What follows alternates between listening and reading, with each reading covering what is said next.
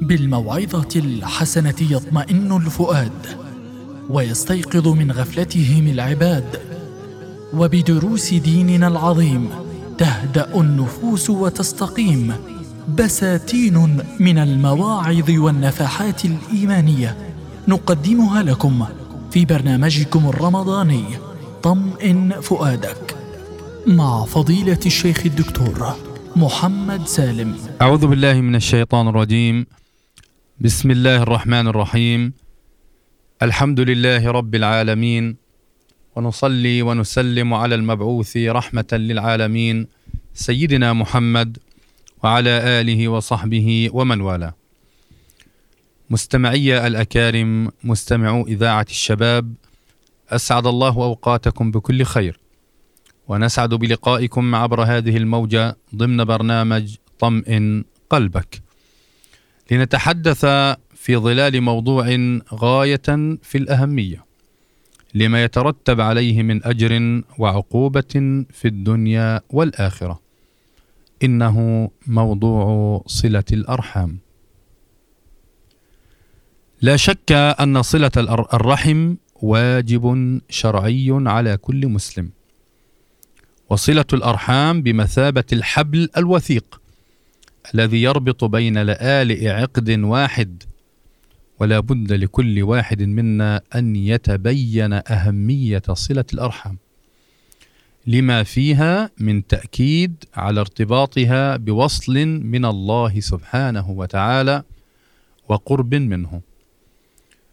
وكان مما جاء به ديننا الحنيف وهو من الأمور المطلوبة شرعا وعرفا وضميرا صلة الأرحام. وقد دلت الآيات الكريمة والأحاديث النبوية الشريفة على وجوب صلة الأرحام وعلى حرمة قطعها وعلى فضيلة الإحسان إلى الرحم. وقد أخذ اسم الرحم من الرحمة. أخذ اسم الرحم من الرحمة لأن الأرحام يرق لهن ويعطف عليهن وكذلك هو الحال بالنسبة للأرحام. وقد مدح الله سبحانه وتعالى واصلي الرحم. الذين يصلون ما أمر الله به أن يوصل. فقال سبحانه وتعالى والذين يصلون ما أمر الله به أن يوصل ويخشون ربهم ويخافون سوء الحساب. والذين يصلون ما أمر الله به أن يوصل ومنه الرحم ويخشون ربهم. ويخشون ربهم فلا يقطعون أرحامهم ويخافون سوء الحساب يخافون أن يحاسبوا على قطيعة الرحم يوم لقاء الله سبحانه وتعالى. مدح الله الواصلين وذم القاطعين ذما شديدا. فقال سبحانه وتعالى والذين ينقضون عهد الله من بعد ميثاقه ويقطعون ما أمر الله به أن يوصل ويفسدون في الأرض. أولئك لهم اللعنة ولهم سوء الدار. يا لطيف يا الله الذين ينقضون عهد الله من بعد ميثاقه ويقطعون ما أمر الله به أن يوصل ويفسدون في الأرض. إن قطع الرحم إفساد في الأرض. لما يترتب عليه من تشتت الأسر والبيوت واختلافها وأي فساد أعظم من هذا؟ لأجل ذلك أولئك لهم اللعنة ولهم سوء الدار والعياذ بالله سبحانه وتعالى. ألا ترى أخي المستمع أختي المستمعة أن الله سبحانه وتعالى هدد المفسدين في الأرض الذين يقطعون الأرحام فقال فهل عسيتم إن توليتم أن تفسدوا في الأرض وتقطعوا أرحامكم؟ أولئك الذين لعنهم الله فأصمهم وأعمى أبصارهم. يا لطيف اللعنة هي الطرد من رحمة الله تعالى. عقوبة الذي يقطع الرحم. فصلة الرحم هي رحمة للإنسان في الدنيا والآخرة. وقاطع الرحم مبتور الرحمة في الدنيا وفي الآخرة. والله سبحانه وتعالى وصى بذوي الأرحام خيرا.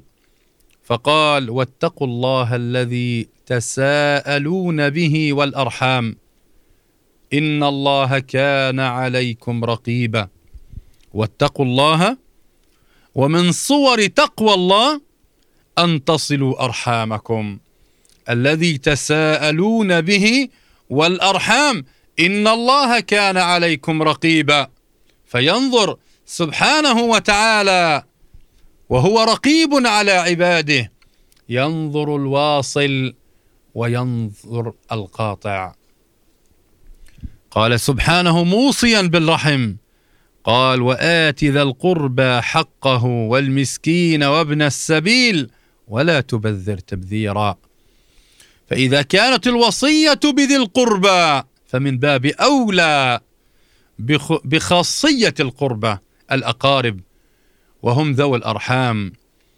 قال سبحانه إن الله يأمر بالعدل والإحسان وإيتاء ذي القربى وإيتاء ذي القربى وينهى عن الفحشاء والمنكر والبغي. يعظكم لعلكم تذكرون. هذه بعض الآيات الكريمة التي تحث المسلم على صلة الرحم وتحذره أيما تحذير من قطيعة الرحم. أما الأحاديث النبوية الشريفة فقد جاءت تؤكد وجوب صلة الأرحام وتجعلها في أعلى أخلاق الإسلام التي جاء بها ورسول الله صلى الله عليه وسلم هو قدوتنا في ذلك. فقد أمر بالإحسان إلى الأرحام وكان أفضل الناس صلة. فمما ثبت عنه عليه الصلاة والسلام أنه قال الرحم معلقة بالعرش أي عرش الله.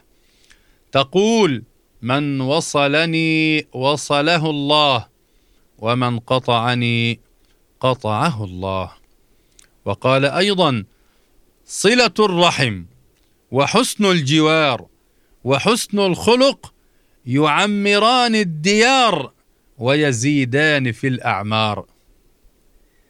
يا سلام ما أروع هذا الحديث.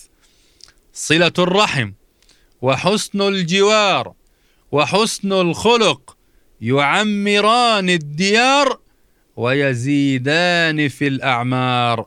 ببركة هذه الأعمال العظيمة ومنها صلة الرحم. وقال صلى الله عليه وسلم إن الرحم شجنة متمسكة بالعرش. شجنة يعني متشابكة مترابطة. كالأغصان. إن الرحم شجنة متمسكة بالعرش. تكلم بلسان ذلق. ماذا تقول؟ اللهم صل من وصلني واقطع من قطعني. فيقول الله تبارك وتعالى أنا الرحمن الرحيم وإني شققت للرحم من اسمي فمن وصلها وصلته ومن بتكها بتكته أي من قطعها قطعته. وقال صلى الله عليه وسلم الراحمون يرحمهم الرحمن. ارحموا من في الأرض يرحمكم من في السماء. الرحم شجنة من الرحمن. فمن وصلها وصله الله ومن قطعها قطعه الله. الرحم شجنة من الرحمن أي متصلة بالله. فمن وصلها وصله الله ومن قطعها قطعه الله. والمعنى أن الرحم أثر من آثار رحمة الله تعالى. مشتبك بها أي رحمة الله مشتبكة ملتصقة بصلة الرحم. فمن قطعها كان منقطعا من رحمة الله عز وجل ومن وصلها وصلته رحمة الله تعالى. كما ثبت عن النبي عليه الصلاة والسلام أنه قال إن الله خلق الخلق حتى إذا فرغ من خلقه قالت الرحم. قالت الرحم هذا مقام العائذ بك من القطيعة. قال نعم. أما ترضين أن أصل من وصلك وأقطع من قطعك؟ قالت بلى يا رب قال فهو لك. قال رسول الله صلى الله عليه وسلم فاقرأوا إن شئتم فهل عسيتم إن توليتم أن تفسدوا في الأرض وتقطعوا أرحامكم؟ وقد رتب الإسلام على قطع الرحم عقوبة شديدة. وهي عدم دخول الجنة أي أن قاطع الرحم يدخل النار والعياذ بالله تعالى. قال النبي صلى الله عليه وسلم لا يدخل الجنة قاطع رحم. مستمعي الأكارم لا بد من صلة الأرحام. حتى لو قطعوك حتى لو قطعوك نعم حتى لو قطعوك فقد روي أن رجلا قال يا رسول الله إن لي قرابة أصلهم ويقطعوني وأحسن إليهم ويسيئون إلي وأحلم عنهم ويجهلون علي. فقال النبي صلى الله عليه وسلم لئن كنت كما قلت فكأنما تسفهم المل أي الرمل الساخن الحار. ولا يزال معك من الله ظهير عليهم. ما دمت على ذلك. وننوه ها هنا أيها المستمعون الأكارم بأن الله الرحمن الذي اتصف بكثرة الرحمة وسعتها جعل جزءا من تلك الرحمة في صلة الأقارب والأرحام. فمن أحسن إلى أهله ورفق بهم نال رضوان الله سبحانه وتعالى. ومن أعرض عن ذلك بالمشاحنة والخصام والقطيعه عاقبه الله بالانصراف عنه وإبعاده عن دائرة الرحمة العظيمة التي يتصف بها سبحانه وتعالى. لذا ننصح أنفسنا ومستمعين الكرام بالمحافظة على صلة الأرحام رجاء نيل رحمة الله سبحانه وتعالى في الدنيا والآخرة. صل رحمك وطمئن قلبك والسلام عليكم ورحمة الله تعالى وبركاته. بالموعظة الحسنة يطمئن الفؤاد ويستيقظ من غفلتهم العباد وبدروس ديننا العظيم تهدأ النفوس وتستقيم.